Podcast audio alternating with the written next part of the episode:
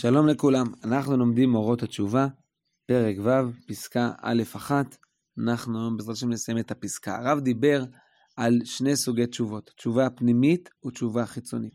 התשובה הפנימית היא תשובה שבה האדם עצמו רוצה להיות יותר טוב, רצון פנימי טהור, של מתוך חיבור לקדושה וטהרה. תשובה חיצונית זו תשובה שמבחינה מעשית האדם אה, משנה את דרכיו, למרות שמבחינה פנימית הוא מנוכר לזה. לתשובה החיצונית יש חסרונות, יש בעיות. זה גורם לניכור, לחוסר אותנטיות, זה אולי גורם לרגשות שליליים, לתחושות שליליות. אבל הרב אומר לגבי זה שני דברים. קודם כל, המעלה הגדולה מהחיסרון. עדיף להימנע מדבר אסור מאשר אה, לעשות אותו, אה, גם אם ההימנעות הזאת גורמת לדברים שליליים. ודבר שני, הרב אומר, ובזה הוא ימשיך, ובזה הוא ממשיך לפתח בפסקה, מה שמחסר האחד נשלים השני. אה, נתאר לעצמנו אה, דוגמה, אדם אה, רוצה להתחזק בתפילה. אדם שם לב שהוא מדבר הרבה בתפילה והוא צריך להפסיק. הוא לא כל כך מתחבר לתפילה, הוא יודע שהיה רצוי שהוא יתחבר יותר ויעמיק יותר. הוא לא כל כך מצליח להתחבר, או שהוא צריך, הוא שואף להתחבר. בכל אופן, כרגע הוא לא כל כך מתחבר לתפילה. אבל הוא מבין שהוא חייב להפסיק לדבר בתפילה, כי זה לא ראוי לדבר בתפילה. זוהי תשובה חיצונית.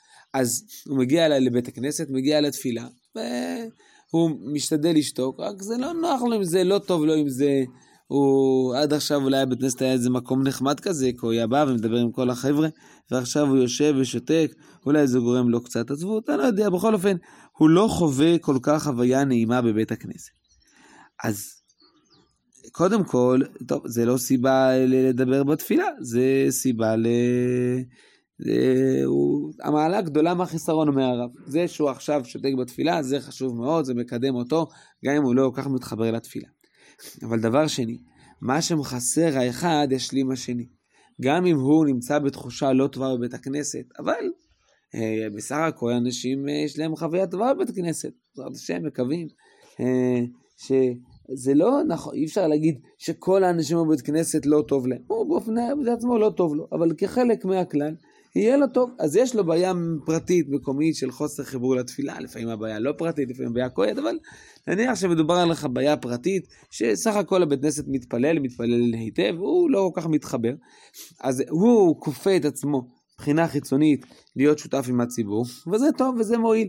ואומנם יש לו תחושות לא טובות בבית כנסת, אבל בסך הכל המתפללים בבית כנסת מרגישים טוב, וזה העיקר. עד כאן בתשובה ברמה הפרטית. אבל מה קורה בציבור? מה קורה כשיש בעיה כללית, ציבורית. אז האם כאן אפשר שיהיה כפייה? האם כאן אפשר נגיד בוא שכל הציבור מבחינה חיצונית יעשה כך וכך? אומר הרב, אבל בציבור אין זה שייך. כי מי ישלים? אי אפשר. אי אפשר שהציבור יתנהג רק מבחינה חיצונית, כי זה יגרום לבעיות פנימיות מאוד חמורות. נתאר, נחזור לדוגמה של בית הכנסת. נניח ויש בית כנסת שכולם מדברים בו. האם זה יעזור להגיד לכולם, תשמעו, תפסיקו לדבר? גם אם נצליח מבחינה טכנית, שזה גם מאוד מסובך, אבל גם אם נצליח מבחינה טכנית, נגיע לתפילה בבית הכנסת, התפילה תהיה מאוד גרועה, אנשים יגיעו בתחושות מאוד שליליות. לא יהיה פה, כשיש אדם יחיד עם בעיה, אז הוא יתחבר לציבור, שהציבור בסך הכל מרגיש טוב, אבל כשיש כאן בעיה ציבורית, אז, אז אין, אין פה איך להתחבר, אין פה איך לעשות. על כן אומר הרב, יש כוח בתשובה הפנימית של הציבור לגמור הכל. לכן הפתרון בציבור אי אפשר תשובה חיצונית, אי אפשר להכריח חיצונית את הציבור לעשות כך וכך. בגלל שיש חסרונות, התשובה החיצונית גורמת לחסרונות ואין מי שישלים אותה, אין מי שישלים אותם. הפתרון הוא בציבור רק תשובה פנימית, ותשובה פנימית יש לה כוח לגמור את הכל. או בדוגמה שלנו, צריך לחשוב על מאמץ פנימי, לא משהו חיצוני, שלטים ו... והגבאי שיסתובב בבית הכנסת ויצעק על כולם לשתוק, אלא אלא צריך שיהיה, אה, הציבור יהיה הטבת הרצון הפנימי. צריך שאנשים ירצו להתנהג יותר בכבוד בבית הכנסת וכן הלאה. כמובן, הרב כהרגלו לא לעצמי, לא, לא מתאר לנו את ה... אה, לא מסביר לנו את ה...